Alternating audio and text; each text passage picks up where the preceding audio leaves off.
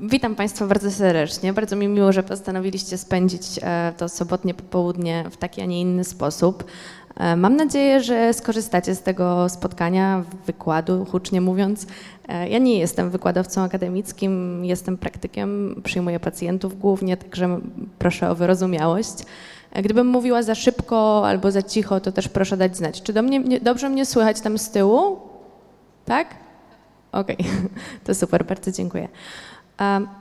Strach się bać, tak zatytułowaliśmy dzisiejsze spotkanie, dzisiejszy wykład i będziemy mówić, tak jak już Marysia zapowiedziała, o lęku z takiej perspektywy klinicznej, z perspektywy psychologii klinicznej, czyli z perspektywy troszeczkę tego, co ten lęk z nami robi, co się z nami dzieje wtedy, kiedy odczuwamy lęk, e, kiedy lęk jest e, mm, patologiczny, kiedy nam szkodzi, kiedy upośledza nasze funkcjonowanie, no i przede wszystkim, co możemy zrobić, żeby tak nie było i żeby czuć się lepiej. Gdybyście w trakcie wykładu mieli Państwo jakieś pytania, wątpliwości, e, to śmiało proszę pytać, nie będzie mi to przeszkadzało, nie będzie mnie to wybijało z rytmu, także nie ma najmniejszego problemu, zachęcam. No, więc na początek e, takie rozróżnienie pomiędzy tym, czym jest strach, a czym jest lęk, chociaż oba te pojęcia można stosować e, wymiennie, to na potrzeby dzisiejszego spotkania no, chodziłoby o to, żeby rozróżnić y, te dwa pojęcia. Strach jest przed czymś konkretnym, boimy się czegoś określonego, natomiast lęk może być y, nieokreślony, może dotyczyć czegoś, y, czego nie do końca rozumiemy, czego nie do końca potrafimy określić w jaki sposób i dlaczego, dlaczego się boimy. Także strach jako określony rodzajem bodźca i e, wiążący się z silnym wzbudzeniem układu autonomicznego, a lęk niekoniecznie. Tutaj jest takie rozróżnienie na lęk patologiczny i lęk w normie mm, w stosunku do intensywności, czyli to, co trzeba sobie jasno powiedzieć. Lęk jest emocją taką samą jak wszystkie inne emocje w związku z tym my go odczuwamy. Powinniśmy go odczuwać i jest nam bardzo potrzebny. Jest nam potrzebny dlatego, że chroni nas yy, i mówi nam o tym, że powinniśmy uciekać, walczyć albo się schować, tak ewolucyjnie mówiąc. W związku z czym e, nie możemy powiedzieć, że nie chcemy w ogóle odczuwać lęku, bo byłoby to z dużą szkodą e, dla naszego funkcjonowania i dla naszego przetrwania. Natomiast czasem ten lęk przechodzi w taki lęk patologiczny, czyli lęk, który robi nam krzywdę, upośledza nasze funkcjonowanie. E, I to jest właśnie ta pierwsza kolumna, czyli taki lęk, który jest wysoki, często nieadekwatny do sytuacji, czyli te przeżywane przez nas emocje są znacznie silniejsze niż e, wydawałoby się z oceny takiej e, obiektywnej zagrożenia. E, trwa znacznie dłużej niż, niż taka emocja po prostu strachu czy lęku, która jest adaptacyjna. My się skupiamy na tym lęku, czyli nasze wszystkie mm, funkcje poznawcze są zaangażowane w zastanawianie się, myślenie, analizowanie tego, co się dzieje z nami w tej lękowej sytuacji. E, no, wpływa na emocje w takim sensie, że ten poziom stresu, dyskomfortu jest bardzo wysoki, czujemy się przytłoczeni i, i, źle się z tym czujemy.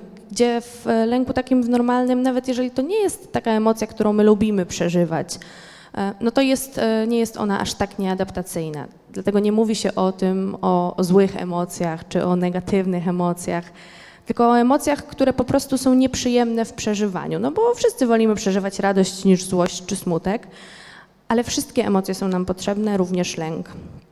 No i wpływ na zachowanie. Przede wszystkim lęk patologiczny to taki lęk, który znacząco upośledza nasze funkcjonowanie, który determinuje nasze zachowanie w jakiś sposób i to w taki sposób, z którego my sami e, nie jesteśmy zazwyczaj zadowoleni.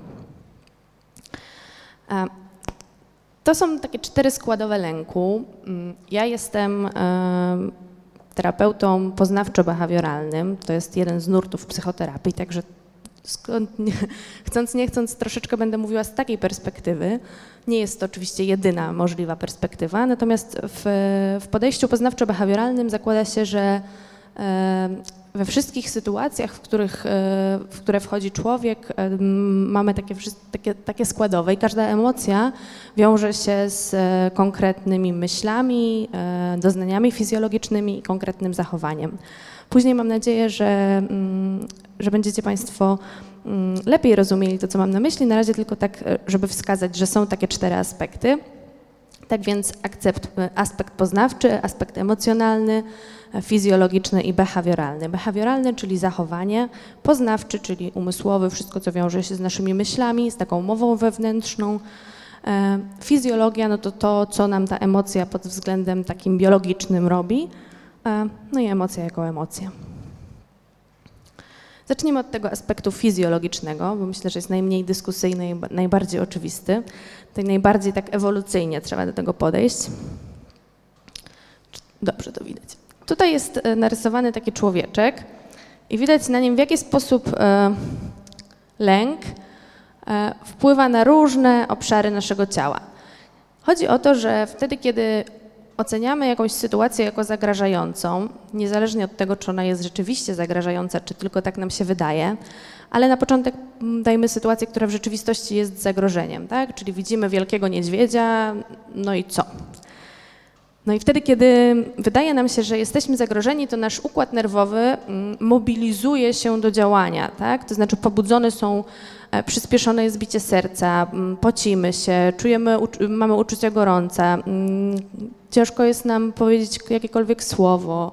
Tych doznań jest bardzo dużo, one są różne u różnych osób, w sensie różnie się układają, różnie są nasilone, natomiast wszystkie wiążą się z aktywnością układu nerwowego, Y, z tym, że my jesteśmy zmobilizowani do tego, żeby za chwilę walczyć o przetrwanie, albo brać nogi za pas, albo ewentualnie zastygnąć w bezruchu i przeczekać tę niebezpieczną sytuację. Czyli to się nazywa taką reakcją uciekaj albo walcz. I to jest właśnie zespół um, objawów, które możemy um, odczuwać w naszym ciele wtedy, kiedy pojawiają się emocje. Emocja lęku oczywiście w tym przypadku, tak? Czyli Mogą to być zawroty głowy, może to być spłycony, przyspieszony oddech.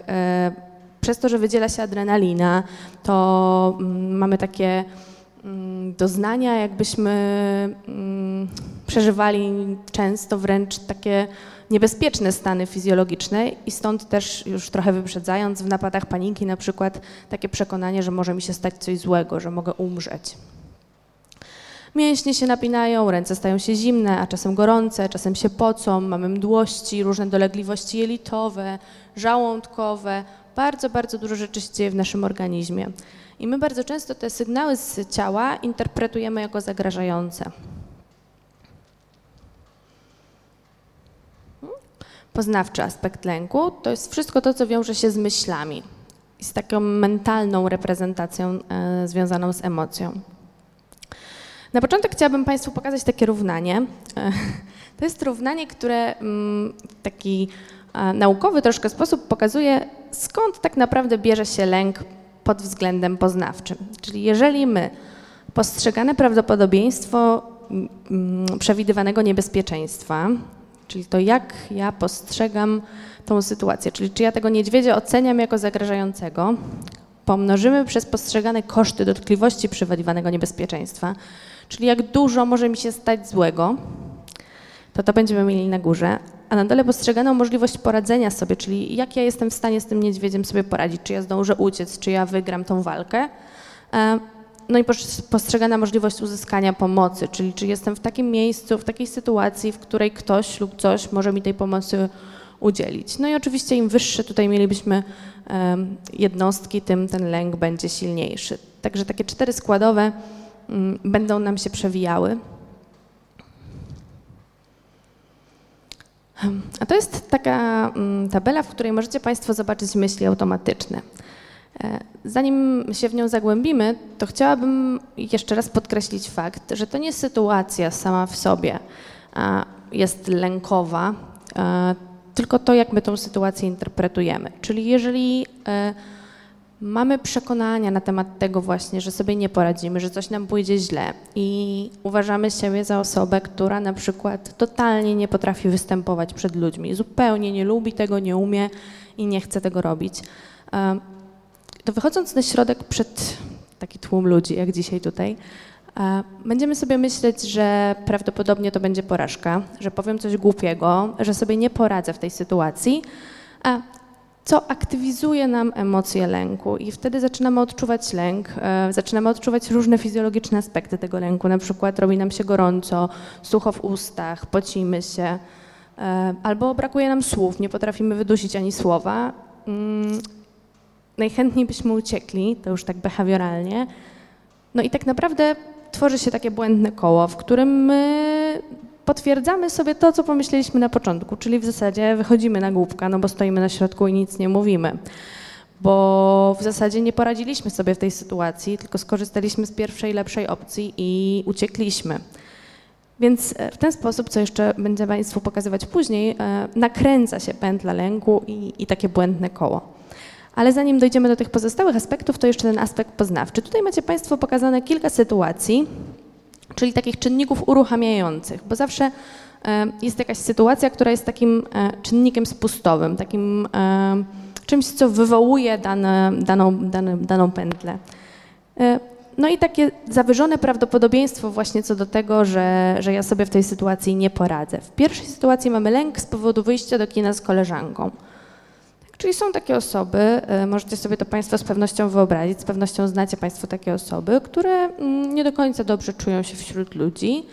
E, I wyjście do koleżanka, z koleżanką do kina może być dla nich stresujące. I, I myślą sobie wtedy, że będzie tłok, będziemy siedziały w środku rzędu, e, a ja będę odczuwać lęk i wyolbrzymiają niebezpieczeństwo i zagrożenie.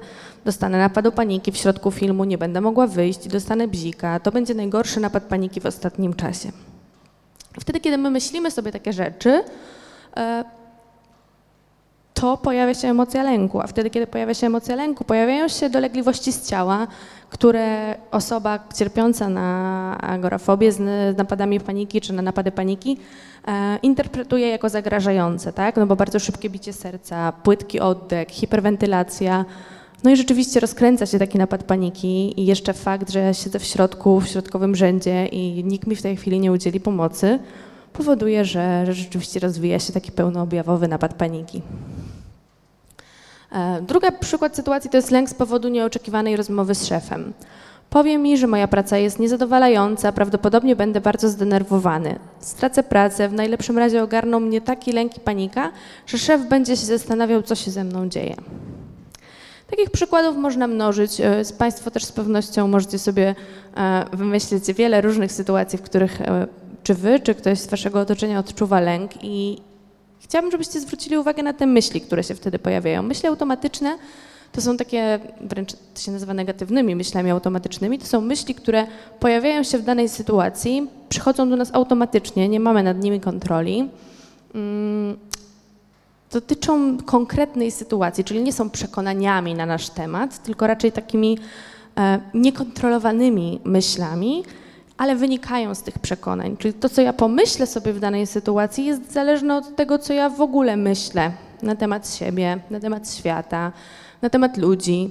No bo jeżeli ja myślę o sobie, że mm, jestem całkiem niezła i potrafię mówić do mikrofonu, to prawdopodobnie nie zaktywizuje mi się lęk w takiej sytuacji. Nie przyjdzie mi do głowy, że mogłabym sobie nie poradzić. A nawet jeżeli przyjdzie, to nie będzie to najsilniejsze z moich przekonań. Natomiast jeżeli mam przekonanie, że jestem słaba i bezsilna, to, to, to znacznie większe jest prawdopodobieństwo, że, że, że najdą mnie takie negatywne myśli automatyczne, które wywołają później lęk. Te przykłady, które są tutaj, dotyczą e, osób, które cierpią na mm, agorafobię z napadami paniki, ale też e, takie zamartwianie się związane z lękiem uogólnionym. Czyli e, lęk za każdym razem, gdy pomyślę, że mogłabym umrzeć młodo. Zastanawiam się, czy te moje niepokojące myśli o śmierci w młodym wieku zapowiadają, że umrę młodo. Jaka to okropna tragedia, umrzeć w wieku dwudziestu kilku lat i nigdy nie żyć pełną życia, nie doświadczyć tylu rzeczy, których doświadczają inni ludzie. Czyli tak naprawdę my martwimy się o coś, co się jeszcze nie wydarzyło i już przeżywamy lęk i nawet cierpienie, a czasem smutek związany z tym, e, co jeszcze nie ma miejsca i tak naprawdę wcale nie wiemy, czy będzie miało miejsce. Jak przyjrzycie się Państwo tym myślom, to mam nadzieję, że zauważycie, że znajduje się tutaj bardzo wiele błędów myślenia.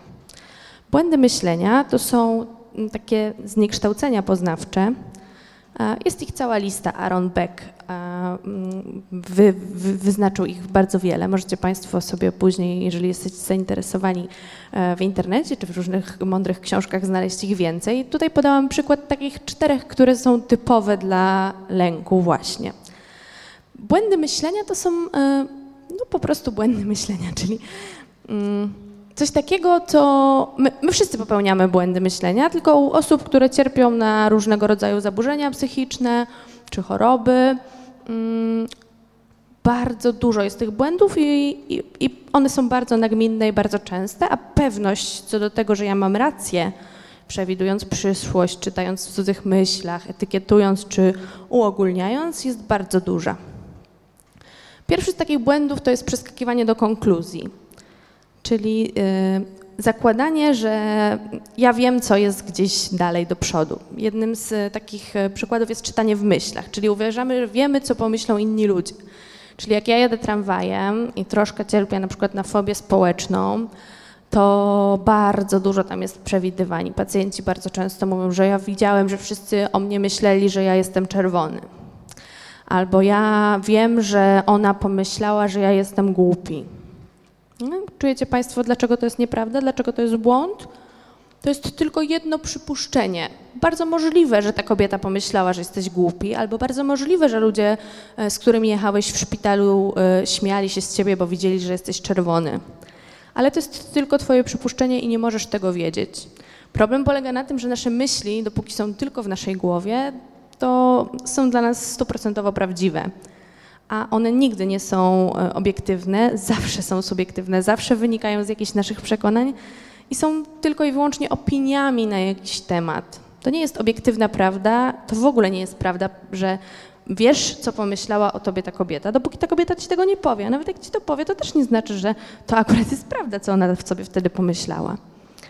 E, to wydają się mało znaczące niuanse, ale proszę mi wierzyć, że dla osób, które cierpią z powodu zaburzeń psychicznych i mają e, bardzo dużo takich błędów w swoich myślach, to zwrócenie na to uwagi i próba kontrolowania tego, niepopełniania tych błędów y, jest naprawdę takim dużym czynnikiem leczącym, dlatego że pewność co do tego, że ja sobie nie poradzę, że ja nie dam rady, że ludzie właśnie tak myślą, a nie inaczej na mój temat, jest ogromna i to ta pewność wywołuje lęk.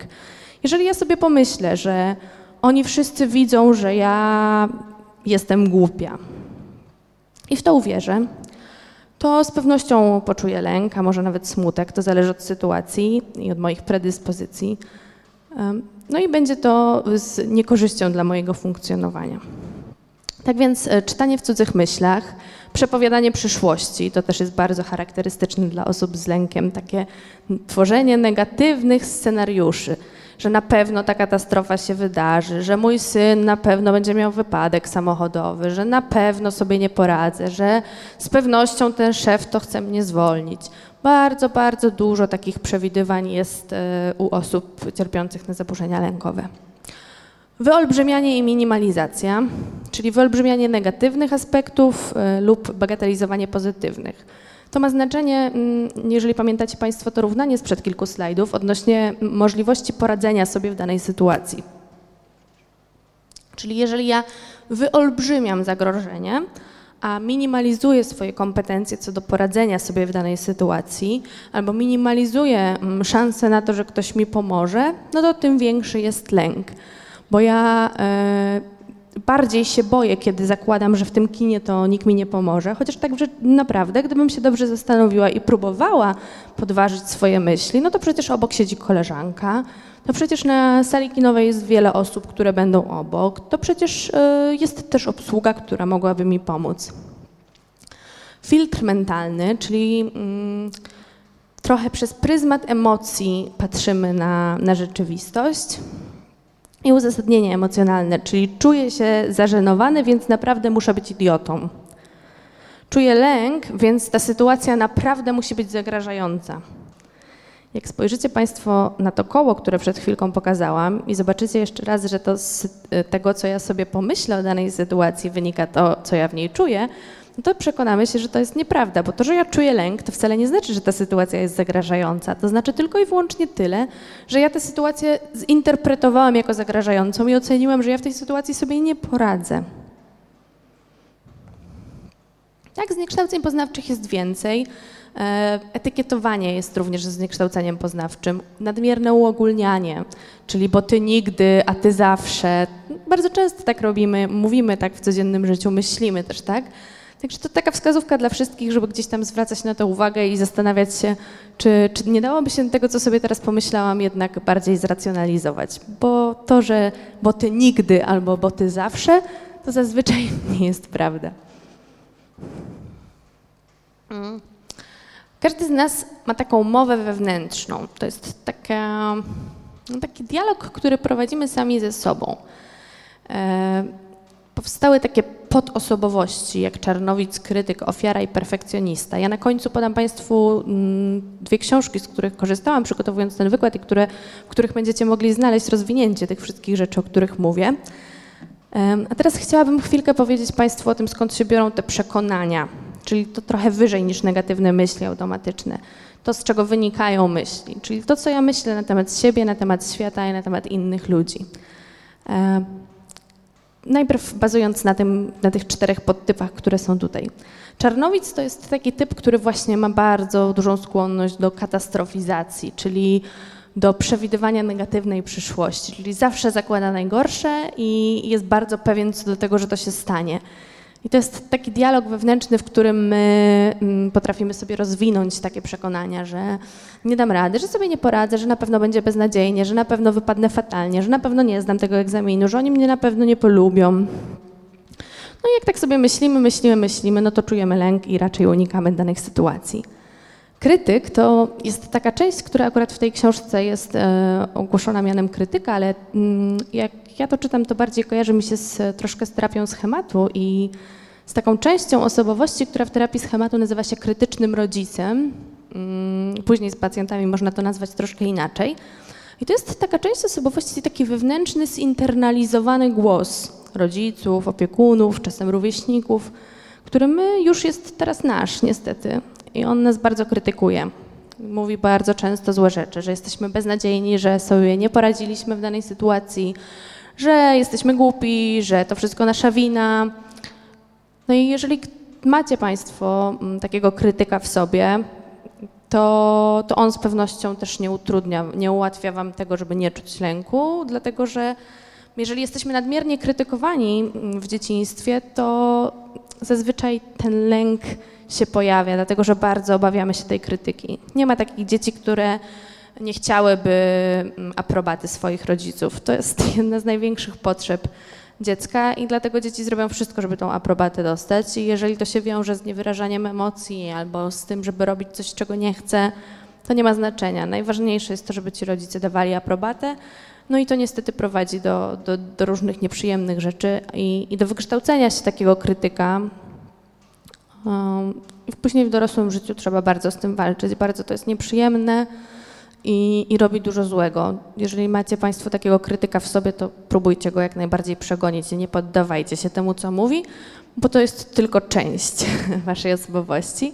I to taka część, która robi krzywdę, która w takie wewnętrzne dziecko uderza tak strasznie. I bardzo często jest tak, że te wszystkie nieprzyjemne komunikaty, które dostawaliśmy w dzieciństwie, których nienawidziliśmy i których strasznie chcieliśmy się pozbyć, to teraz tą krzywdę sami robimy sobie poprzez taką wewnętrzną mowę. Także na to chciałabym zwrócić Państwa szczególną uwagę. Ofiara to jest taka część osobowości, która właśnie przekonuje o tym, że ja nie sobie nie poradzę, że ja jestem nieudolna, że ja nie dam rady, że ty nigdy nic nie potrafisz zrobić, że zawsze ci nie wychodzi. No i jak my wychodzimy z takiej pozycji ofiary, czyli ta, to przekonanie o możliwości poradzenia sobie w danej sytuacji jest bardzo niskie, no to siłą rzeczy e, później takie myśli automatyczne się w tej sytuacji pojawią. Perfekcjonista kojarzy mi się najbardziej z takim wymagającym rodzicem, czyli też troszkę z terapii schematu zaciągnięte. To jest taka część, która mówi e, musisz albo powinieneś. Ja zawsze staram się pacjentów na tym zatrzymywać, no bo musisz to napić się wody, trochę spać i czasem coś zjeść. To są jedyne rzeczy, które musimy. Wszystko inne chcemy i dobrze, jeżeli robimy to, co chcemy, co wynika z naszych potrzeb. ale czasem wsłuchanie się w swoje potrzeby i postępowanie zgodnie z tymi potrzebami jest po prostu niemożliwe, bo jeżeli przez wiele lat jesteśmy od nich zupełnie odcięci, dlatego że zamiast spełniać swoje potrzeby, to zajmujemy się spełnianiem oczekiwań innych ludzi, czyli właśnie słuchamy tego perfekcjonisty który, i, i, takiego wewnętrznego głosu wymagacza, który nam mówi, że powinieneś się jeszcze więcej uczyć, powinieneś zrobić jeszcze takie studia, albo jeszcze taki doktorat, albo mógłbyś być lepszą córką, albo lepszą matką no to wówczas bardzo trudno jest słuchać naszych rzeczywistych potrzeb i na bieżąco wyrazić swoje emocje. Oczywiście to się przeplata i, i, wszyscy mamy troszkę z każdej tych części osobowości, natomiast osoby, które cierpią na, na zaburzenia lękowe, zazwyczaj mają bardzo silnego czarnowidza przede wszystkim, bo czarnowidz bezpośrednio wiąże się z lękiem. Krytyk może troszkę bardziej z takimi depresyjnymi stanami, ale też jakby może prowadzić do, do zaburzeń lękowych. No perfekcjonista, jeżeli ja nie jestem w stanie spełnić tych oczekiwań, jeżeli te oczekiwania są takie wysokie, to ja nigdy nie mam takiego spokoju, że okej, okay, uff, wszystko dobrze. Nie ma takiego momentu, w którym ja jestem usatysfakcjonowany, bo zawsze można więcej, zawsze można lepiej.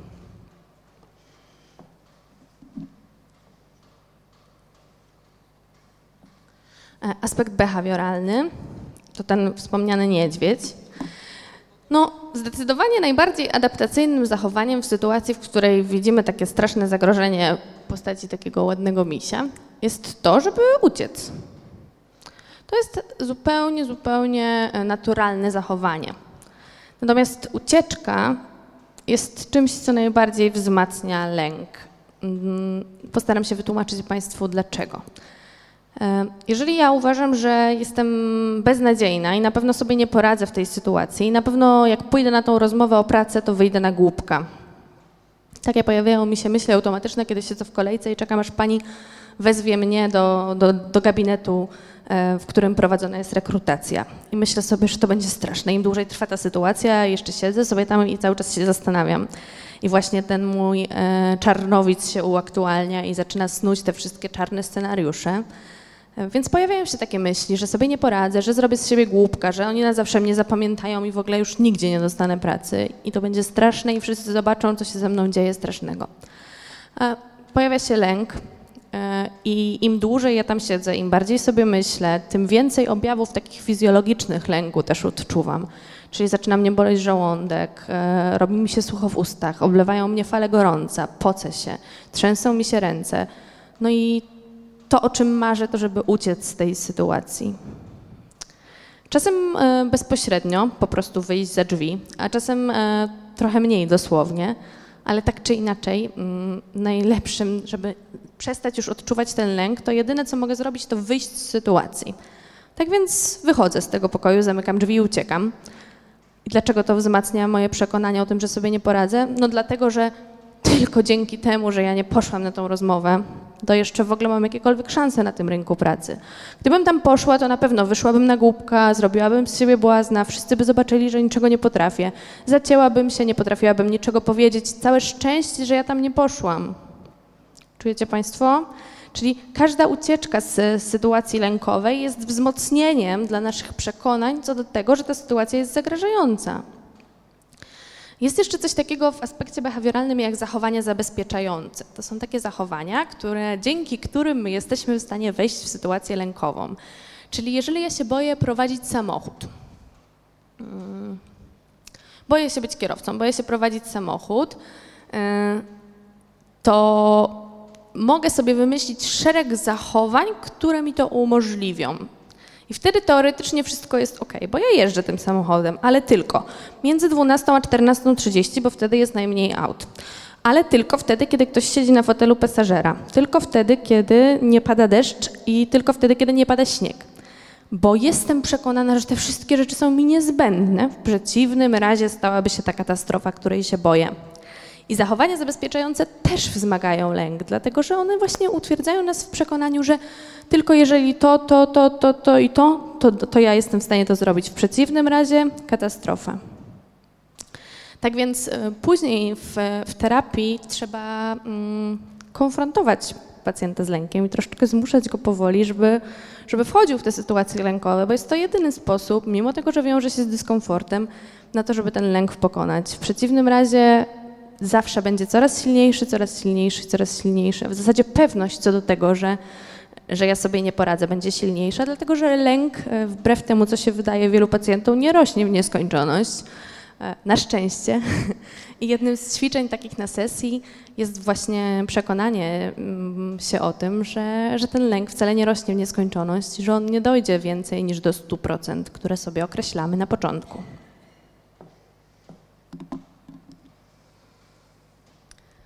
Właśnie zachowanie zabezpieczające. No i dochodzimy do tego błędnego koła. Jak gdzieś tam w międzyczasie przemycałam Państwu te rzeczy, chciałabym, żebyśmy na nie jeszcze spojrzeli razem. Czyli zawsze jest jakaś sytuacja i to błędne koło może znaleźć, yy, znaczy yy, ono się pojawia we wszystkich yy, zaburzeniach i my we wszystkich pracy terapeutycznej w zasadzie ze wszystkimi zaburzeniami o tym mówimy, dlatego że mm, po prostu czasem są tutaj inne emocje, inne myśli, inne reakcje fizjologiczne. Czyli sytuacja, oczekiwanie na rozmowę o pracę. Zacznijmy od myśli. Nie mam pojęcia, co powiedzieć, pomyślą, że jestem głupi. No emocja mm, związana z tymi myślami, lęk. Trudno by było sobie pomyśleć radość, tak? Poczuć radość w tej sytuacji, czy, po, czy poczuć, e, nie wiem, smutek w tej sytuacji. Fizjologia, uczucie zdenerwowania, napięcie, łaskotanie w żołądku. Zachowanie, ucieczka. No i w ten sposób umocnienie się w przekonaniu, że pomyśleliby, że jestem głupi, całe szczęście, że tak świetnie sobie wymyśliłem i jednak uciekłem. A tutaj macie przykład y, tego, co się stanie, jeżeli coś innego sobie pomyślimy. I teraz ja mam pełną świadomość tego, że to nie jest proste, żeby pomyśleć sobie coś innego w tej sytuacji. Gdyby to było takie proste, to nie mielibyśmy tylu pacjentów, ale e, chcę Państwu pokazać mechanizm, dlaczego tak warto skupić się na tych myślach i zwrócić na nie uwagę. Bo to, co pomyślimy, zależy od przekonań. I rzeczywiście praca nad zmianą przekonań to nie jest prosta praca i, i, i, taka szybka, dlatego że przekonania to jest coś, w co my bardzo mocno wierzymy i one się kształtują przez całe nasze życie. Ale jeżeli uda nam się y, zmienić te przekonania, to będzie nam łatwiej pomyśleć coś innego w danej sytuacji. No i tutaj na przykładzie, jeżeli pomyślę sobie, że jestem dobrze przygotowany do tej rozmowy, powinienem być w stanie zrobić dobre wrażenie, to zamiast lęku poczuję może radość, może trochę podekscytowanie, może po prostu takie uczucie komfortu i pewności bezpieczeństwa. Nie będą się w związku z tym pojawiały nieprzyjemne dolegliwości fizyczne, a ja zamiast uciec po prostu pójdę na tą rozmowę i prawdopodobnie dam z siebie wszystko, to znaczy tyle, ile mogę. I jakoś mi pójdzie. Nie wiem jak, ale nie muszę od razu zakładać, że źle. Sekundę. Czy do tej części macie Państwo jakieś pytania? Ok, to lecimy dalej. E, teraz chciałabym tak dość e, mimo wszystko szybko i oględnie, bo też nie mamy tak dużo czasu. Oczywiście zaburzeń lękowych jest bardzo, bardzo dużo. Zaczynało się kiedyś od nerwic. Jeszcze do tej pory niektóre oddziały mają taką nazwę, ale już od jakiegoś czasu nie mówimy o nerwicach, tylko o zaburzeniach lękowych. Więc te postfreudowskie nazewnictwo już, już nas nie obowiązuje, także w tej chwili nie mamy też hipochondrii, tylko mamy lęk o zdrowie, a wszystko to jest uwzględnione w klasyfikacjach, do których za chwilkę przejdziemy. Coś, jak zwykle w psychologii nie da się odpowiedzieć jednoznacznie na pytanie, skąd się bierze dane zaburzenie i co się dzieje. Zawsze odpowiadamy, to zależy. Jeżeli są na sali jacyś studenci psychologii, to na pewno e, słyszycie to bardzo często. Więc my też na studiach słyszeliśmy bardzo często, to zależy i, i dalej to powtarzamy. Jest bardzo wiele czynników, które wpływają na to, że, mm, że ktoś zachoruje mm, na jakąś chorobę, że zapadnie na zaburzenie, że będzie cierpiał z powodu zaburzenia lękowego. Są to czynniki biologiczne, takie jak y, temperament, czyli taka wrażliwość naszego temperamentu. Tutaj w przypadku zaburzeń lękowych raczej nie mówi się o genach, mówi się o takiej odporności y, na stres i o, o właśnie temperamencie. Wychowanie, to tutaj już troszkę o tym wspomnieliśmy w międzyczasie, środowisko, w jakim żyjemy. Mm, lęk to jest bardzo modelowany przez, e, przez, przez rodziców. Czyli jeżeli my mamy lękowych rodziców, jeżeli mama mówi uważaj, uważaj, bo się pobrudzisz, albo nie wchodź na drzewo, bo spadniesz i jest tego bardzo dużo, jest to bardzo nasilone, to niestety kształtuje nam takie lękowe przekonania. Też właśnie ci rodzice, którzy tłumią asertywność dziecka, brak poczucia bezpieczeństwa i emocjonalne takie zagrożenie, jeżeli nie możecie Państwo swobodnie wyrażać swoich emocji, czyli taka deprywacja emocjonalna, Czyli jeżeli w danej rodzinie emocje są zagrażające lub śmieszne, to ludzie później nie potrafią ich wyrażać, nie potrafią ich w ogóle e, jakby rozumieć, nie potrafią ich nazywać i nie wiedzą, co czują, a w związku z tym, że nie wiedzą, co czują, to nie wiedzą, jakie są ich potrzeby. Dlatego, tak, że tak jak wspomniałam na początku, emocje nam mówią o naszych potrzebach. Jak my czujemy złość, to znaczy, że ktoś przekracza nasze granice. Więc jeżeli my wmawiamy sobie, że nie, nie, ja wcale nie jestem zły i nie dajemy sobie przyzwolenia na czucie tej złości, to później po jakimś czasie my jej nie odczuwamy rzeczywiście. To znaczy nie zdajemy sobie z niej sprawy, ona gdzieś tam kumuluje. Mm, I nie wiemy, że ktoś przekracza nasze granice. Nie potrafimy powiedzieć stop, nie potrafimy w asertywny sposób temu e, zaradzić i dzieje nam się z takiego psychologicznego punktu widzenia krzywda.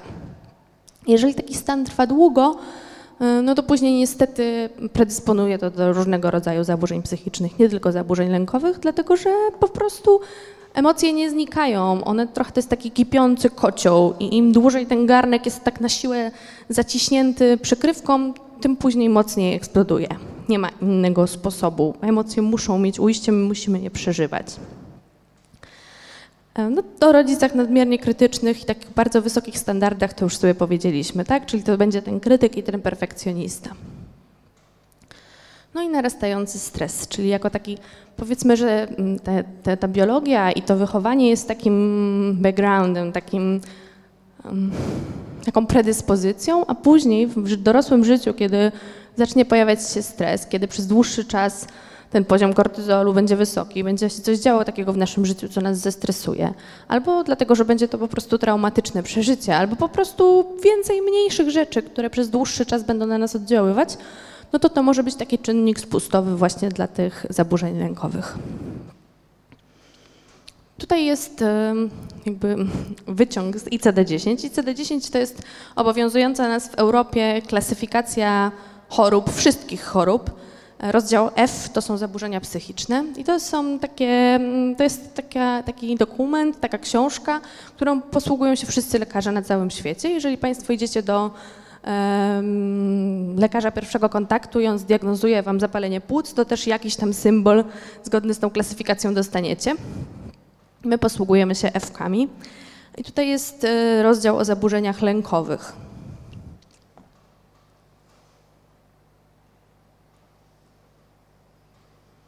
To jest rozpowszechnienie, ale do tego bym Państwa jakoś mocno nie przywiązywała, dlatego że e, to wszystko zależy od tego, kto prowadzi badania i też kto się zgłosi. Osoby cierpiące na zaburzenia lękowe nie często, znaczy nie zawsze zgłaszają się po pomoc, aczkolwiek zaburzenia lękowe są jednym z najczęstszych powodów przyjścia do, do psychoterapeuty, do psychologa. Ale jest wiele osób, które sobie radzą z tym same, czy próbują sobie poradzić z tym same, albo sobie nie radzą, ale nie korzystają z pomocy. Natomiast to, co tutaj wyraźnie widać i co do czego nie ma żadnych wątpliwości, to to, że kobiety znacznie częściej niż mężczyźni cierpią z powodu zaburzeń lękowych. Tak, i że najczęstszym tutaj jest fobia specyficzna. Fobia specyficzna to jest e, taka fobia prosta, czyli wtedy, kiedy my się boimy na przykład ptaków, albo pająków, albo gołębi. Natomiast to jest coś, z czym najczęściej pacjenci zgłaszają się na terapię, dlatego że to jest coś, czego po prostu łatwo unikać. Tak?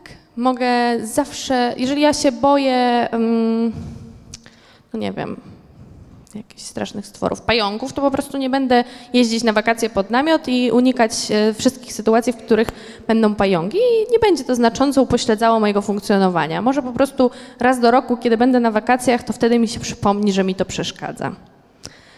My zazwyczaj sięgamy po pomoc wtedy, kiedy mm, dane zaburzenie czy dany problem bardzo mocno upośledza nasze funkcjonowanie i przeszkadza nam w codziennym życiu. Zależy oczywiście, jaka to jest fobia prosta, bo jeżeli to jest fobia prosta, że ja boję się psów, a mieszkam na osiedlu, gdzie jest ich dużo, no to wówczas rzeczywiście będzie mi to doskwierało. I może być tak, że przez całe życie mi to na przykład nie przeszkadzało, bo mieszkałam na osiedlu domków jednorodzinnych, gdzie nie było żadnych psów.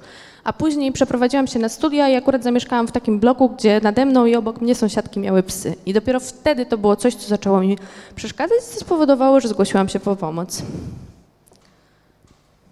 No, zespół stresu pourazowego trochę wyłączyłam jakby z naszego dzisiejszego spotkania, bo to jest troszkę inny, inne zaburzenie, ono też zostało wyciągnięte już z tych zaburzeń lękowych.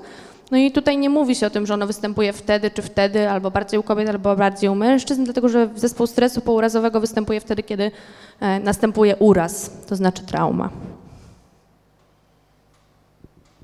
Tutaj jeszcze znowu wracamy do tego równania i z perspektywy takiej poznawczej możecie Państwo zobaczyć, o co ja tak w cudzysłowie się boję, tak, w danym zaburzeniu, czyli e, w napadach paniki to jest lęk o ciało, bo ja tam się boję tego, że coś mi się stanie.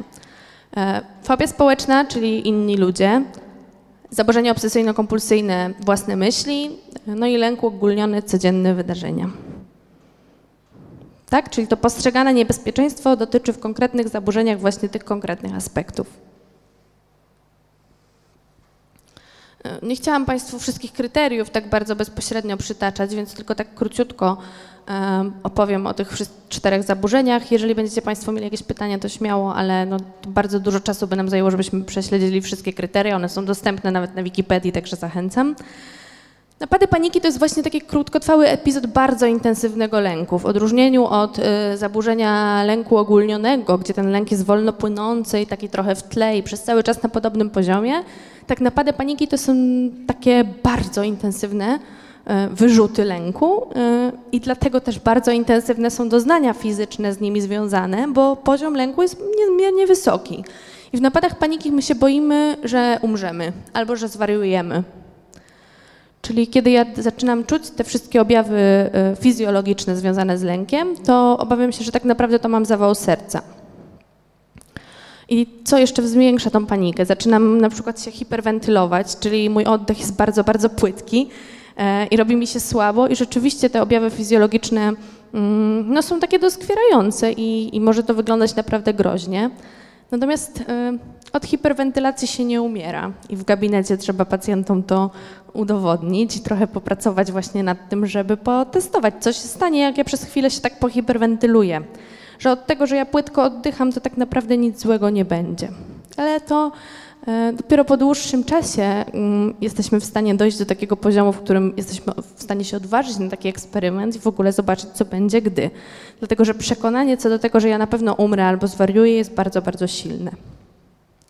Napady paniki teraz zostały w najnowszym wydaniu y, DSM-u wyciągnięte trochę jako taki osobna jednostka chorobowa.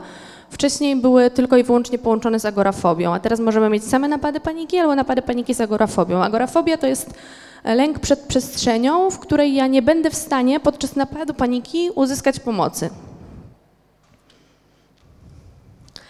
Uogólnione zaburzenie lękowe, czyli GAD, to jest martwienie się o to, że się martwię. Tak najprościej mówiąc. Czyli w, w, lęku ogólnionym, który w opozycji do napadów paniki jest właśnie takim lękiem wolno płynącym, powolnym, jest, e, takie, jest uciążliwy, stale utrzymujący się niepokój związany z martwieniem się o takie codzienne sprawy. I to jest tak, że ja myślę sobie o tym, że, coś, że, że jest jakieś zagrożenie, że na przykład właśnie moje dziecko jedzie samochodem i na pewno będzie miało wypadek i zaczynam się martwić o tym, o to, że, że to dziecko będzie miało wypadek i nie mogę przestać się martwić. E, to zaczyna mnie niepokoić. Tutaj jest znacznie mniej objawów fizjologicznych lęku, dlatego że, tak jak powiedziałam, ten lęk nie jest aż tak wysoki, więc poziom jakby wzbudzenia układu autonomicznego nie jest aż tak, aż tak duży, więc mniej jest takich objawów fizjologicznych. Natomiast bardzo dużo takich poznawczych, dlatego że tam są takie wręcz ruminacje, czyli na okrągło myślenie o tym samym myślenie. I wtórnie do tego zamartwiania się poziomu pierwszego pojawia się takie meta-zamartwianie się, czyli ja się martwię o to, że się martwię, że od tego martwienia się to ja za chwilę zwariuję, że ja nie mogę przestać się martwić.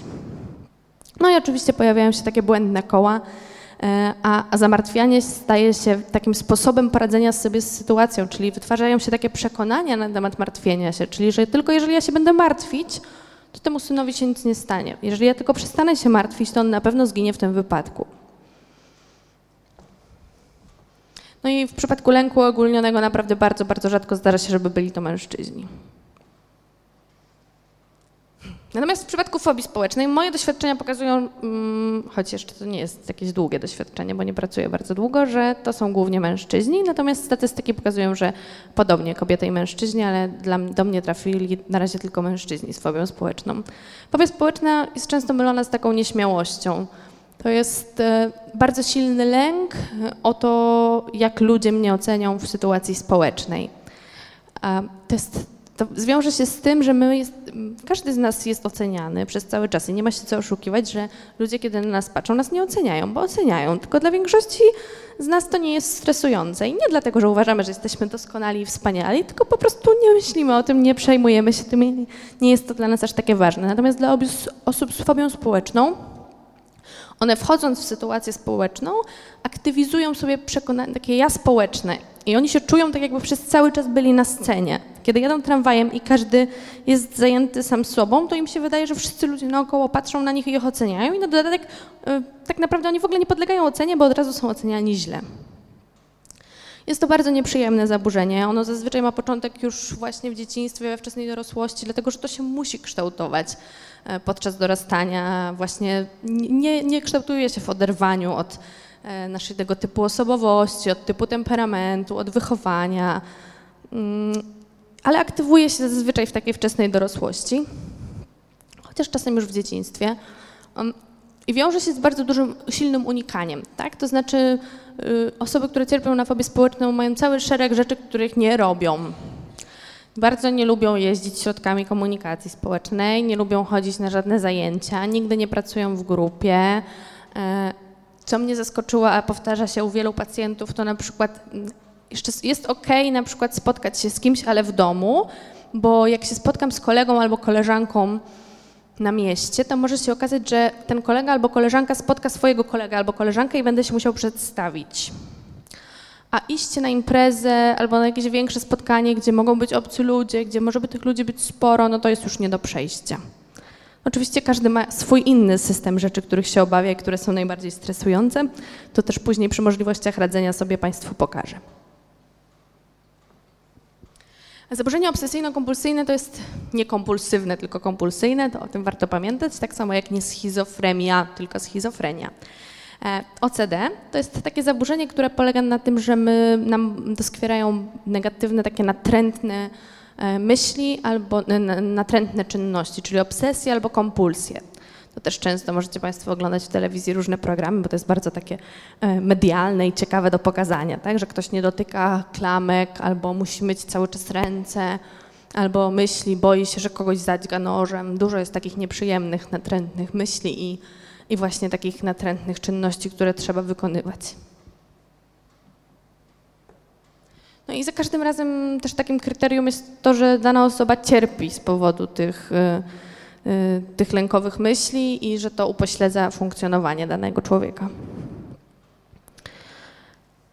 No i chociaż do zaburzeń lękowych predysponują czynniki genetyczne i doświadczenie życiowe, to jednak często rozwijają się one i nasilają w następnie błędnych, następstwie błędnych schematów myślowych i nieprawidłowych zachowań.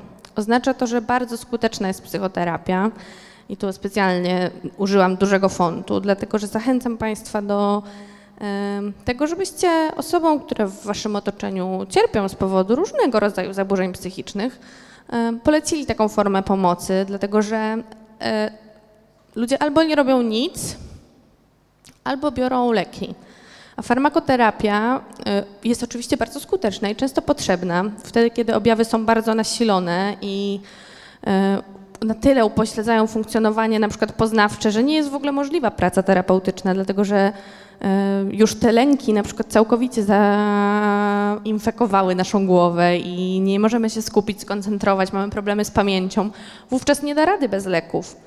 Ale same leki, one tylko i wyłącznie wyciszą objawy, one nie zmienią tego, że my e, unikamy pewnych sytuacji, albo nie zmienią naszych przekonań na temat świata, na temat siebie, na temat innych ludzi. One tylko i wyłącznie zaleczą na chwilkę objawy. To tak jak leczenie Mm, kataru, objawów. To, to, spowoduje, że minie chwila, kiedy pacjent pobierze dane leki, ale za rok, za dwa albo za trzy w postaci takiego samego albo innego zaburzenia te lęki mogą wrócić. Także naprawdę warto. Korzystamy już z trenera osobistego na siłowni, z bardzo wielu innych usług, a, a psychoterapia też jest potrzebna i jest dla ludzi. Staje się już coraz bardziej popularna, ale myślę, że mimo wszystko jeszcze trochę pokotują takie mity na temat tego, że do psychologa to chodzą tylko wariaci albo jakieś takie inne straszne rzeczy. No i ostatnia część, czyli trzecia, tym, jak o siebie zadbać. Ale zanim to, czy do tego macie Państwo jeszcze jakieś pytania? Proszę. Czy prezentacja będzie dostępna? Nie. Ale na końcu podam dwie książki, których większość takich rzeczy, które są dla Państwa, mm, tak jak właśnie ten program, wszechstronny program leczenia, tak naprawdę pochodzą, więc będziecie mogli skorzystać z, z tych materiałów. Tak, czyli najpierw poziom somatyczny. Bardzo ważne jest takie dbanie w ogóle o, o higienę życia, bo to jest tak. My możemy y, nigdy nie zachorować na żadne zaburzenia psychiczne, ale tak czy inaczej warto o siebie dbać. I warto pilnować tego, że my, mm, żeby nie powodować, żeby nasze ciało będzie aż tak bardzo zestresowane. Żyjemy w takim świecie, w którym trudno jest uniknąć całkowicie stresu i trudno jest sobie tak poukładać życie, żeby praca nie była stresująca, żeby e, życie rodzinne, życie codzienne nie było stresujące, dlatego że no, chociażby fakt, jak szybko zmienia się świat, jak bardzo musimy się adaptować do nowych sytuacji, jak, żyje się, jak szybko się w ogóle żyje, jak dużo musimy się uczyć, jak błyskawicznie, on powoduje, że ten stres jest i będzie. Więc tym bardziej musimy o siebie dbać i tym bardziej musimy sobie nie pozwalać na to, żeby on tak bardzo wpływał na nasze życie. E, no więc relaksacja i nauka oddychania. E, to chodzi o to, że osoby, które mają tendencję do takiego płytkiego oddechu, łatwiej e, predysponują do zaburzeń lękowych, łatwiej wpadają w hiperwentylację, więc ćwiczy się takie oddychanie przeponą, taki spokojny oddech. Ważne jest to, żeby codziennie znaleźć czas na odpoczynek i żeby to był odpoczynek trochę takiego biernego odpoczynku, w którym my nie robimy zupełnie nic. Trochę takiego aktywnego odpoczynku, czyli takiego odpoczynku, w którym robimy coś, co jest dla nas przyjemne. I trochę też takiego odpoczynku socjalnego, czyli z innymi ludźmi. Bardzo ważnym zasobem, takim psychologicznym człowieka, do poradzenia sobie z każdą trudną sytuacją są inni ludzie żeby mieć e, wokół siebie takie wsparcie społeczne. A to jest możliwe tylko wtedy, kiedy my utrzymujemy te kontakty i one są znacznie bardziej wartościowe wtedy, kiedy nie ograniczają się do kontaktów przez internet. Regularne ćwiczenia fizyczne są bardzo ważne i właśnie to, że one są regularne, to nie chodzi teraz o to, żeby być w bardzo dobrej formie i fit, tylko raczej o to, żeby nasz organizm miał szansę się tak trochę rozładować, tak, żeby nie dawać mu takich wrzutów, że raz na miesiąc stwierdzam, że teraz będę bardzo wysportowana i idę przebiec 10 kilometrów, tylko raczej, żeby regularnie w małych dawkach dawać szansę na takie rozluźnienie mięśni. Bo właśnie napięte mięśnie e, mogą być źródłem e, lęku, tak? One, pospinane ciało powoduje, że nasz organizm trudniej sobie radzi w różnych problematycznych sytuacjach. My nie jesteśmy w stanie spowodować, że w naszym życiu nie będzie trudności i problemów. Wszystko zależy od tego, jak sobie z nimi poradzimy, więc najlepiej na co dzień przygotowywać nasze ciało i nasz organizm e, pod względem właśnie fizycznym, psychologicznym do tego, żeby radził sobie jak najlepiej w trudnych sytuacjach. Odpowiednie odżywianie się, czyli wtedy, kiedy cierpimy z powodu lęku, to warto unikać e, nadmiaru kofeiny, cukru, bo te substancje wzbudzają tak, ten układ nerwowy i powodują, że te takie mm, fizjologiczne objawy lęku są częstsze, mocniejsze, bardziej mm, doraźne. Higiena snu, czyli to, żeby spać odpowiednio długo, czyli te 6-7 godzin, każdy sobie musi przetestować, ile to jest dla niego najlepiej, ale też, żeby spać w nocy, bo to nie jest bez znaczenia, kiedy śpimy, czy śpimy w dzień, czy w nocy bo jest takie coś jak rytm okołodobowy i, i, i, my powinniśmy spać w nocy. Jeżeli nie jesteśmy zmuszeni do tego, że pracujemy zmianowo, no to, to lepiej by było się do tego dostosować. Wstawać zawsze o tej samej godzinie, niezależnie od tego, czy to jest tydzień, czy weekend. Nie zmieniać, nie robić za dużych zmian w tym. Przed samym snem próbować się wyciszyć, nie oglądać niczego, nie czytać nawet nic w łóżku, tylko zasypiać. Łóżko powinno służyć tylko do spania i do uprawiania seksu. Nic innego w łóżku się nie powinno robić, tak mówią mądrzy psycholodzy. I, no i sprawdzanie stanu zdrowia, to znaczy dbanie o siebie, robienie badań. E, tarczyca jest teraz bardzo dużym czynnikiem, który bardzo wiele mm, zaburzeń psychicznych wpływa. Także hormony tarczycy trzeba badać, badać witaminy, poziom witaminy D. Na poziomie emocjonalnym no to chodzi o wyrażanie emocji, zwłaszcza złości. Troszkę już Państwu o tym powiedziałam. Emocje nie znikają i powinniśmy je wyrażać na bieżąco, wtedy, kiedy je czujemy. Mm, jest to, to możliwe tylko wtedy, kiedy my potrafimy w ogóle je zidentyfikować. Jeżeli mamy do czynienia z dużą deprywacją emocjonalną, to może być tak, że już ktoś nic nie czuje. Jak pacjent przychodzi i mówi, że on nic w tym tygodniu w zasadzie nie czuł, no to raczej jest taka hipoteza o tym, że tu jest jakieś takie odcięcie emocjonalne, jakaś deprywacja emocjonalna, bo to jest w zasadzie niemożliwe. My powinniśmy codziennie przeżywać wszystkie te emocje, bo jesteśmy narażeni na różne sytuacje.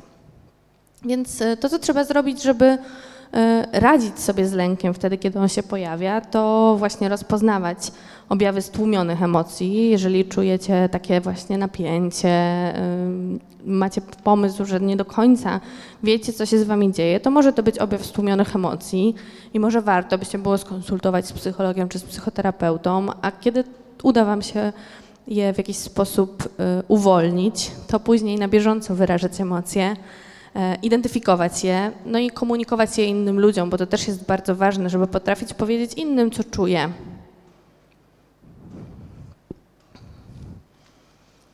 Tak, to też już powiedzieliśmy, czyli fobie utrzymują się z powodu jednego zachowania unikania. Więc jeżeli ja chcę sobie poradzić e, z fobią czy z lękiem, to muszę się skonfrontować z tą sytuacją. To nie jest takie proste i nie chodzi o to, żeby kogoś, kto się panicznie boi e, wysokości od razu prosić, żeby skoczył na bungee, bo to jest niemożliwe, on zwyczajnie tego nie zrobi. Ale po to stosuje się w, podczas terapii taką subiektywną skalę dyskomfortu, subiektywną skalę lęku, i na takiej skali z pacjentem y, ustalamy sobie, co jest na poziomie zero, czyli taki komfort. Kiedy na przykład, nie wiem, leżałeś sobie na plaży, na wakacjach, pod palmą i było super przyjemnie i ciepło. Ale szukamy takiej konkretnej sytuacji z życia pacjenta, żeby to było konkretne wspomnienie, w którym on się czuł 100% komfortowo. E, czyli 0% lęku. A 100% lęku to jest taka najgorsza sytuacja, jaka miała miejsce w jego życiu. I na tej skali umiejscowiamy różne sytuacje, których pacjent się boi. Jeżeli to jest fobia prosta, no to mamy tak 100%, które zazwyczaj się zaczyna od jakiegoś, jakiegoś czynnika, tak? Czyli nie wiem, został pogryziony przez psa na przykład i teraz się panicznie boi psów. No więc na 100% to będzie to ugryzienie, e, na 80 to będzie dotknięcie psa, na 70 to będzie przebywanie z psem w jednym pomieszczeniu, na 50 będzie mm, to, że ja widzę psa po drugiej stronie ulicy. Tak? Na 40 będzie patrzenie na zdjęcie psa, a na 15 będzie rozmowa o psie. Ja teraz strzelam i to jest subiektywna skala, każdy będzie miał inną. Ale stopniowo wchodzimy z pacjentem, albo ktoś może zrobić to sam, oczywiście, jeżeli to nie jest bardzo nasilone i ma taką siłę w sobie i chęć wypróbowania, to niczym nie grozi, bo tak jak mówiłam, lęk nie jest niebezpieczny i nie można umrzeć z powodu lęku ani zwariować.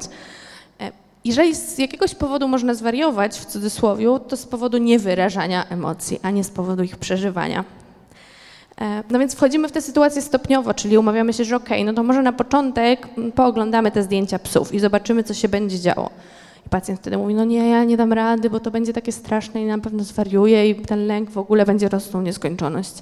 Ale wtedy, kiedy pacjent decyduje się na taki eksperyment behawioralny i zdecyduje się wejść nawet w taką sytuację, która jest na 20% lęku, to przede wszystkim chodzi o to, że on się przekona, że ten lęk nie wzrośnie, że go nie zabije i że dało radę to zrobić i będzie w stanie zrobić kolejne, kolejne, kolejne kroki.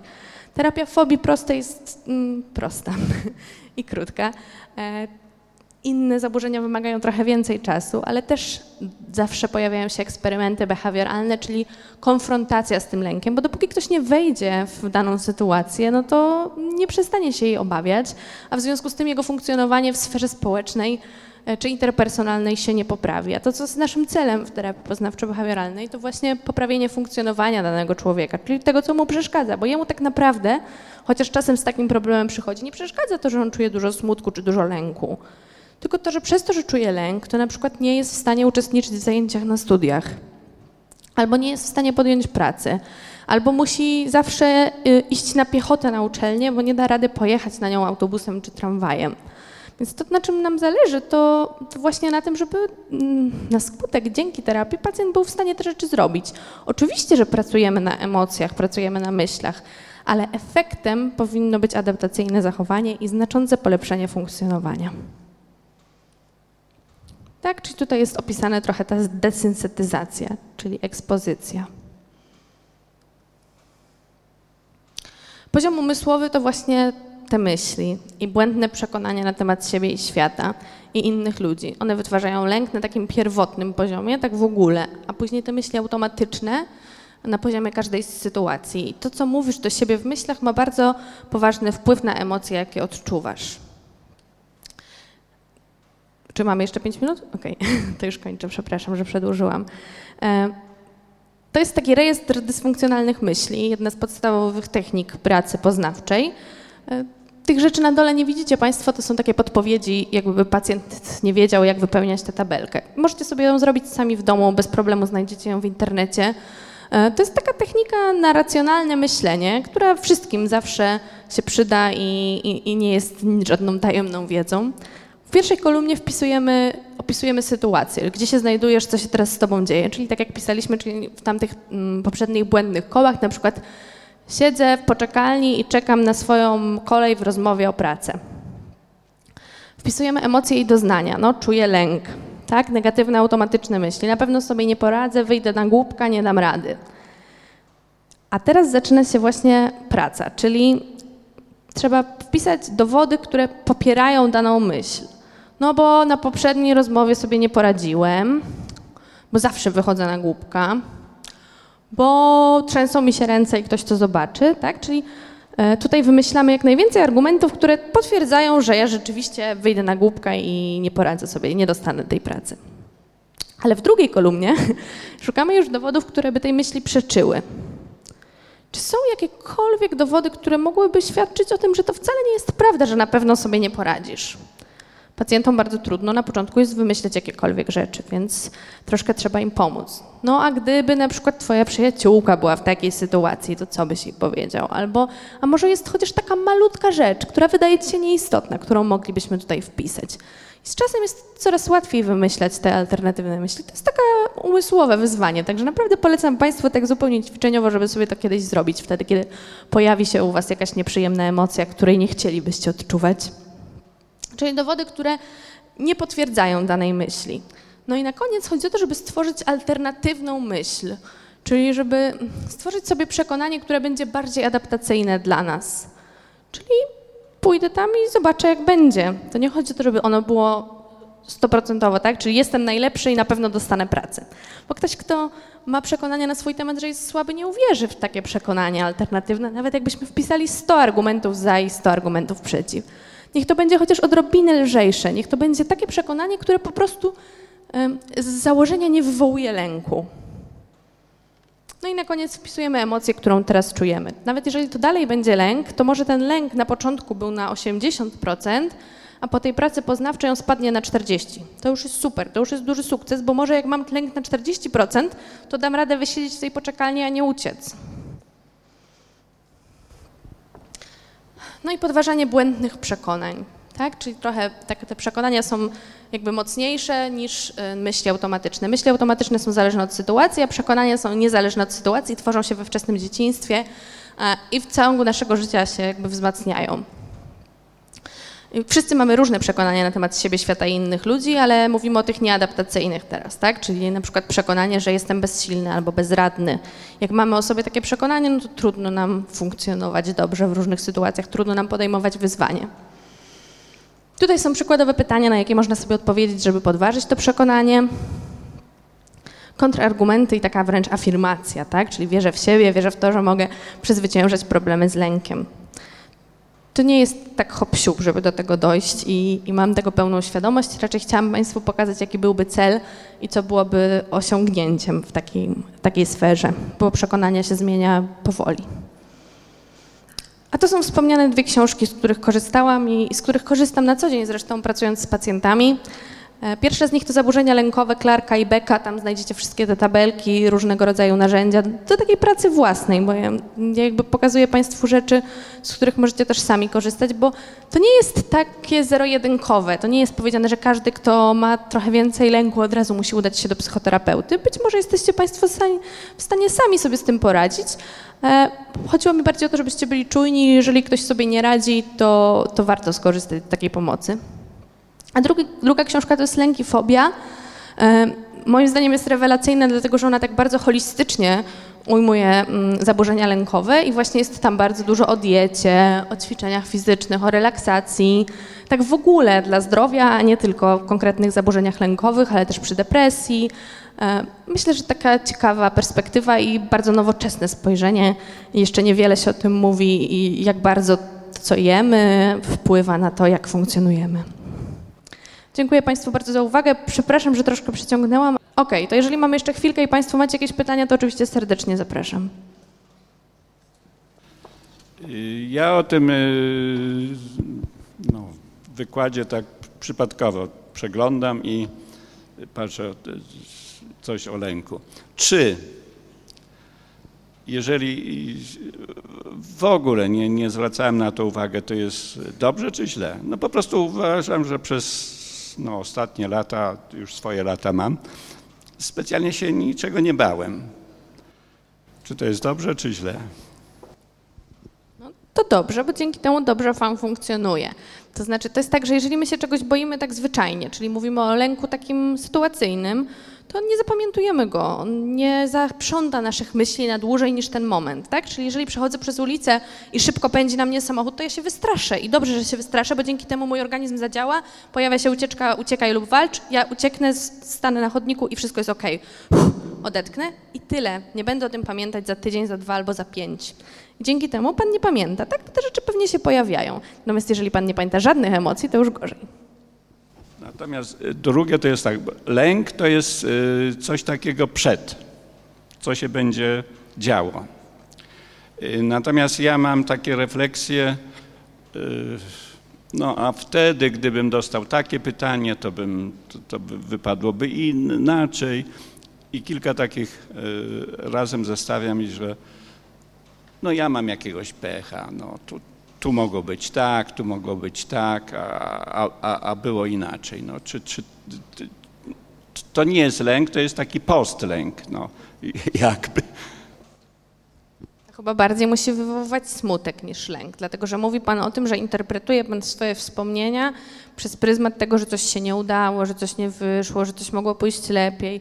To to, o czym Pan mówi, to są bardziej takie ruminacje lękowe, czyli y, y, depresyjne, czyli związane ze smutkiem. To, to, to, o czym Pan mówi, prawdopodobnie wywołuje smutek, no bo ja się już tego nie boję, bo to się już stało, tylko jest mi przykro, że to wyglądało tak, a nie inaczej. To tak czy inaczej bardziej ze smutkiem związane. Czy ktoś z Państwa ma jeszcze jakieś pytania? Ja chciałam zapytać, jak pomóc osobie w trakcie ataku paniki? No bo jasne, że po fakcie warto wysłać ją do psychologa i tak dalej, polecić jej taką wizytę. Natomiast w trakcie ataku paniki spotkałam się z bardzo różnymi opiniami samych osób zainteresowanych. No naturalnie, że jeśli ta dana osoba bierze leki y, doraźne w takiej sytuacji, to podać jej te leki, ale takie ogólne działania, które zazwyczaj nie powinny zaszkodzić. Mhm. No to jest trudne, bo właśnie chodzi o to, że napad paniki wygląda strasznie groźnie i bardzo niebezpiecznie i, i, sama osoba czuje, jakby za chwilę umierała albo miała zwariować, ale w rzeczywistości nic się złego nie dzieje więc bardzo trudno jest jej pomóc. Wydaje mi się, że trzeba po prostu być i być takim wsparciem, nie wyśmiewać tego, jeżeli my wiemy, że to jest niefajne, ale też nie przesadnie wchodzić w tą interpretację, którą ma pacjent, tak? czy ta osoba, która ma napad paniki, bo jeżeli my będziemy wchodzić, no tak, to jedźmy do lekarza, nadzwonimy po pogotowie, to wzmagamy to przekonanie, tak, że to jest potrzebne i że rzeczywiście mi grozi coś niebezpiecznego. Więc chyba to, co można zrobić, to próbować e, uspokoić, próbować troszkę zająć myśli czymś innym, E, uważać na to oddychanie takie płytkie, czyli dbać o taki powolny i głęboki oddech, dlatego że to jak pacjent próbuje się właśnie szybko oddychać, to powoduje hiperwentylację, nie? Więc jeżeli coś możemy zrobić, to spróbować z pacjentem, z osobą, której chcemy pomóc, troszkę tak powoli oddychać i, i ją uspokoić, przekierować troszkę myśli na coś innego, ale raczej nie podważać jakoś bardzo tych przekonań w postaci mówić, że nic się nie stanie, bo tam pani mówiła na wykładzie, że to ci nic nie grozi, ale też nie w drugą stronę, w sensie wzywać karetkę pogotowie, no bo... Natomiast e, jeżeli znamy tą osobę i wiemy, że ona cierpi na napady paniki, to to jest proste. Natomiast jeżeli to jest ktoś na ulicy, to czasem bardzo trudno to rozróżnić. No więc oczywiście z punktu widzenia takiego ogólnego bezpieczeństwa lepiej jest zadzwonić po pogotowie, kiedy wisimy, że ktoś krzyczy, że ma zawał serca, no bo, bo nie jesteśmy w stanie tego tak szybko ocenić, jeżeli nie jesteśmy lekarzami. Ja bym chętnie jeszcze zapytała o takie wykorzystanie pozytywne czy konstruktywne tego lęku, czyli w sytuacjach jak przechodzę przez ulicę i coś nadjeżdża niespodziewanie, ja umknę, to jest, to jest odruch, ale w takich sytuacjach, kiedy siedzę w domu i się zamartwiam czymś i jak, jak to przekuć właśnie na, na, na to pozytywne, bo rozumiem, że te jakieś myśli e, alternatywne, y, żeby sobie przyswajać, ale żeby jeszcze wykorzystać jakoś ten lęk do, do działania takiego konstruktywnego, nawet w, w krótszym okresie czasu. Czy może jakieś takie przykłady? Szczerze mówiąc, nie przychodzi mi nic do głowy. Mm, nie wiem, jak odpowiedzieć na to pytanie. Wydaje mi się, że trudno byłoby, dlatego że lęk skłania nas raczej do ucieczki, do wyjścia z sytuacji, niż do radzenia sobie. Ogólnie jest tak, że prawo Jarkesa Dodsona mówi o tym, że pewien poziom pobudzenia emocjonalnego, niezależnie od tego, jaka to jest emocja, e, jest taki mobilizujący do działania, tak? Czyli w pewnym momencie jest dobrze, kiedy są emocje, bo my jesteśmy w stanie działać. Jakby, jakby było zerowe pobudzenie emocjonalne, to byśmy ani tego nie pamiętali później, ani byśmy też nie byli zmobilizowani do działania. Natomiast jak poziom emocji jest zbyt wysoki, to już nie jesteśmy w stanie działać. Czyli taki umiarkowany poziom emocji jest najlepszy dla działania, więc jeżeli mm, dobrze myślę, rozumiem Pani pytanie, to gdyby udało nam się na przykład ten lęk obniżyć, tak, poprzez na przykład taką pracę poznawczą z 80 do 40%, to może wówczas będziemy w stanie go wykorzystać do jakiegoś działania. Ale ogólnie martwienie się nigdy nie jest dobre, bo nie, nie jest, niczego nie załatwia, tak? To trochę tak jak czytanie właśnie w myślach. No nie jest tak, że dzięki temu, że ja się będę martwić, żeby moje dziecko zginie w wypadku, to ono w nim nie zginie. I pacjentom, zazwyczaj pacjentkom z e, tym lękiem uogólnionym, my mówimy, no to dobrze, to teraz umówmy się, że jak to martwienie się jest takie potrzebne, to pani będzie codziennie od 20 do 20.15 siadała w tym konkretnym fotelu i się martwiła. I wtedy się okazuje, że już to martwienie się nie jest aż takie adaptacyjne i w ten sposób często udaje się przestać. Natomiast to jest niestety nawyk i, i trudno jest go zmienić. Nie? Jest nieadaptacyjny. E, ja mam takie pytanie, co jeżeli ktoś ma lęk przed konfrontacją i to jest coś takiego, że musi o czymś bardzo ważnym porozmawiać, ale sama tak, o czymś, gdzie wie, że będzie e, nie będzie w stanie panować nad swoimi emocjami i sama po prostu myśl, że ludzie, z którymi będzie musiał porozmawiać, oni nie będą jakby przygotowani na to albo nie będą mieli empatii, by tą osobę w ogóle wysłuchać i e, jakoś tak przyjąć to, jak ta osoba będzie się do tej rozmowy czuła. Jak się do czegoś takiego przygotować, żeby sobie z tym poradzić? E, trochę uogólnie, bo nie będę zgadywać, co, co tutaj, o co tutaj dokładnie chodzi, ale no, konfrontacja na przykład, bardzo często mówimy o konfrontacji z rodzicami, czyli jest tak, że trzeba rodzicom pewne rzeczy powiedzieć, tak? Albo partnerowi czy partnerce. E, no, do konfrontacji trzeba się przygotować. Trzeba sobie uświadomić, że reakcja tych osób, którym chcemy coś powiedzieć, niekoniecznie będzie taka, jak myślimy, że będzie. I to ma swoje plusy i minusy, bo jeżeli zakładamy katastrofalną wersję wydarzeń, czyli że na pewno oni tego nie przyjmą, nie zrozumieją, nie będą empatyczni, no to lepiej dla nas, jeżeli uświadomimy sobie, że nie wiemy, jak zareagują. E, no ale też trzeba być przygotowanym na to, że nie mamy wpływu na to, jak zareagują. Natomiast to, co jest ważne, to to, że konfrontacja jest dla nas, a nie dla tej drugiej strony, którą mówimy. Tak? Czyli, że to my chcemy coś powiedzieć i to, co jest dla nas ważne, to żeby to zrobić, żeby to powiedzieć. I niestety nie mamy wpływu na to, co ta druga strona zrobi z tą informacją. E, I dlatego mm, trudno jest jakby nie znając aspektu, który pani pytała na to odpowiedzieć, no jak się do tego przygotować. No trzeba po prostu przygotować się na to, co się może wydarzyć, e, zastanowić się, jak ja sobie poradzę w tej sytuacji. Czyli wtedy, kiedy oni zareagują tak, jak ja bym nie chciała, żeby zareagowali, to ja po prostu na przykład wychodzę. Wtedy, kiedy oni zaczną mnie obrażać, to ja w asertywny sposób stawiam granice i mówię, że nie chcę z wami rozmawiać w taki sposób, tak? A bardzo dobrym sposobem konfrontacji mm, jest napisanie listu. I, bo wtedy my sobie sami w głowie bardzo dużo układamy. Tylko ważne, żeby taki list pisać w takiej formie fakty, uczucia, opinie. Czyli najpierw piszemy o faktach, bo to jest coś, z czym nie można się nie zgodzić i wszyscy tutaj na tym etapie pierwszym się zgodzimy, no bo to są rzeczy, które się rzeczywiście wydarzyły.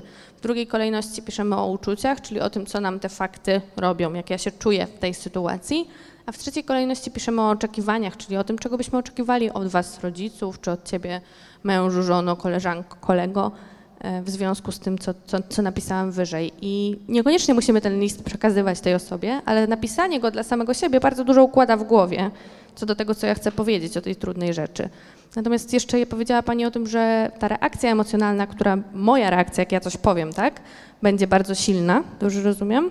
No to chodzi o to, że jak ja się trochę oswoję z tą sytuacją, czyli nawet w wyobrażeniu, czyli in vivo, e, kilka razy sobie wyobrażę tą sytuację, e, no to też e, nie będzie to aż tak silna reakcja emocjonalna, a też ta reakcja jest uzasadniona, związana z tym, że ja się bardzo boję, jak oni zareagują. A jak ja sobie w głowie ułożę, że ja jakoś tam zareagują, trudno, nie mam na to wpływu, to też jest szansa, że ten lęk trochę osłabnie. Wiem, że bardzo ogólnie, ale trudno jest tak na to pytanie odpowiedzieć, nie znając konkretnego aspektu. Dziękuję. Ja mam takie pytanie, jak rozpoznać samemu takie stłumione emocje? Trudno jest je rozpoznać, dlatego że zazwyczaj, jeżeli tłumimy emocje, to wynika to z tego, że nie potrafimy sobie z nimi radzić i mieliśmy mm, być może takie doświadczenia w dzieciństwie, które nas uczyły tego, że te emocje są zagrażające albo wręcz śmieszne, więc po prostu nauczyliśmy się ich nie wyrażać i w związku z tym nie potrafimy ich u siebie rozpoznawać i ich nazywać. Możemy mm, nie tyle poczuć te niewyrażone emocje, co poczuć ich konsekwencje, czyli na przykład bardzo duże napięcie mięśni. Emocje szczególnie się kumulują tutaj w karku, w e, mięśniach szyi bóle głowy, mm, bardzo taką szybką wybuchowość, szybką wrażliwość, czyli rzeczy, które bardzo szybko się złoszczę albo bardzo szybko wybucham w różnych sytuacjach, bardzo często płaczę. To niestety są tylko takie wskazówki. E, czy da się zdiagnozować e, genetyczne przyczyny zaburzeń lękowych?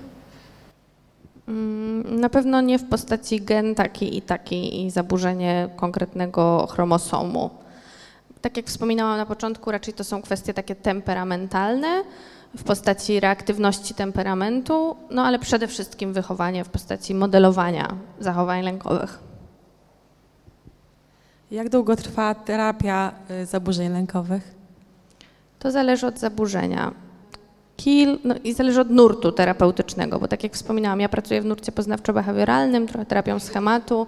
E, I terapia poznawczo-behawioralna to jest z założenia terapia krótkoterminowa i ona jako jedyna jest przebadana w kwestii zaburzeń lękowych, że jest skuteczną terapią, jest terapią pierwszego rzutu e, w zaburzeniach lękowych, czyli najpierw się kieruje pacjenta na taką terapię, jeżeli chce z niej skorzystać. No i to jest kilka do kilkunastu spotkań w przypadku fobii prostej, a natomiast no, na przykład y, zaburzenia uogólnione, zaburzenia lękowe, no to już dużo dłużej.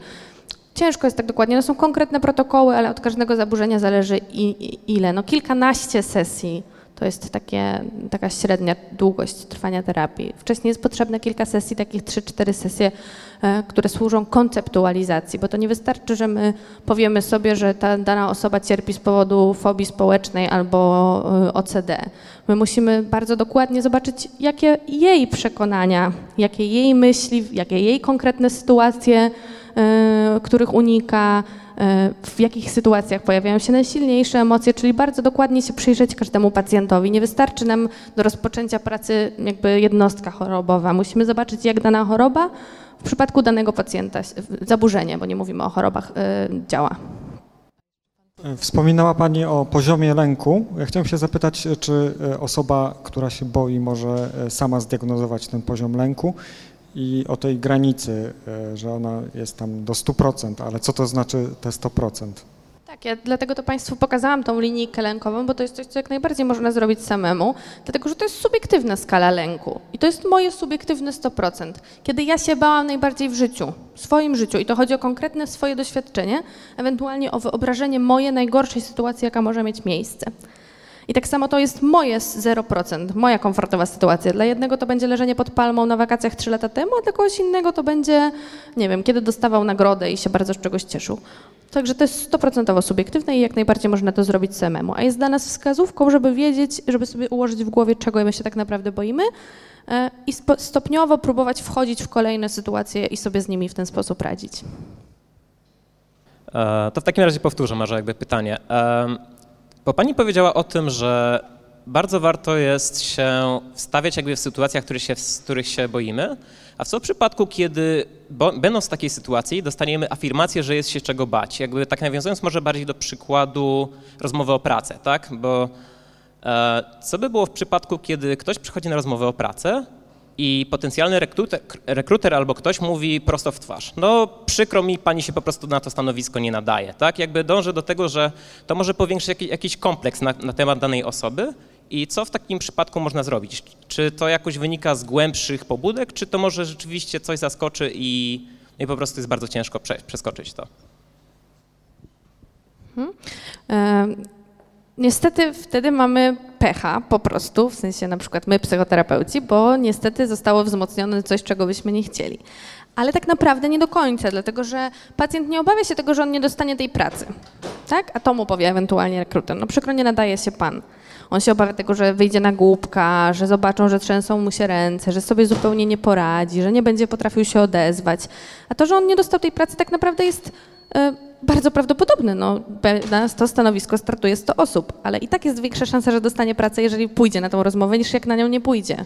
Nie? Także no, czasem się tak może zdarzyć pechowo, że sytuacja akurat się potwierdzi, tak? Że coś, co, w co pacjent wierzy, że jest zagrażające, obiektywnie uznajemy, że nie jest zagrażające, akurat w tej jednej sytuacji stanie się coś złego, no ale no niestety, tak czy inaczej trzeba próbować w nie wchodzić, ale nie zawsze to jest łatwe. Tak, chyba.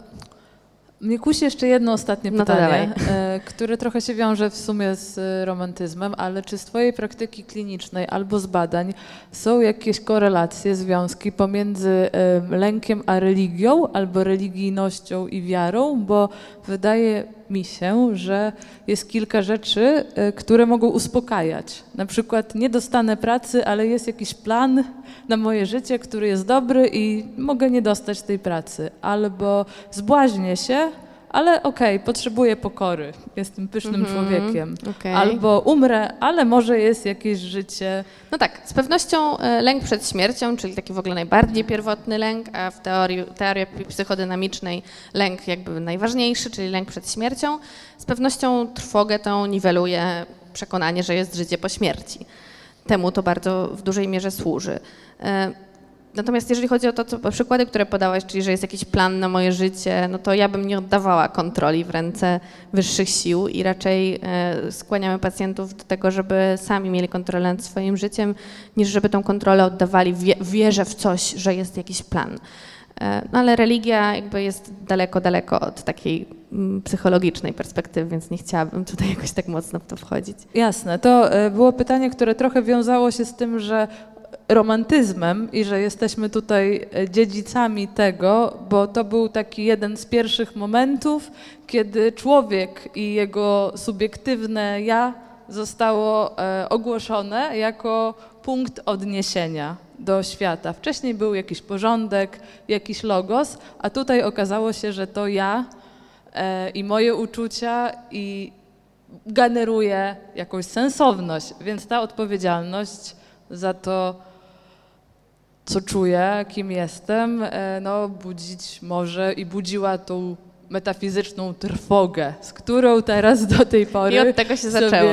E, e, staramy się radzić. Mam nadzieję, że e, tutaj jakieś wskazówki dla Państwa były przydatne. Ja bardzo dziękuję i ja też dziękuję, dziękuję Państwu. E, dziękuję Zosi i zapraszam e, na kolejny wykład. O, przede wszystkim dziękuję, bardzo. bardzo.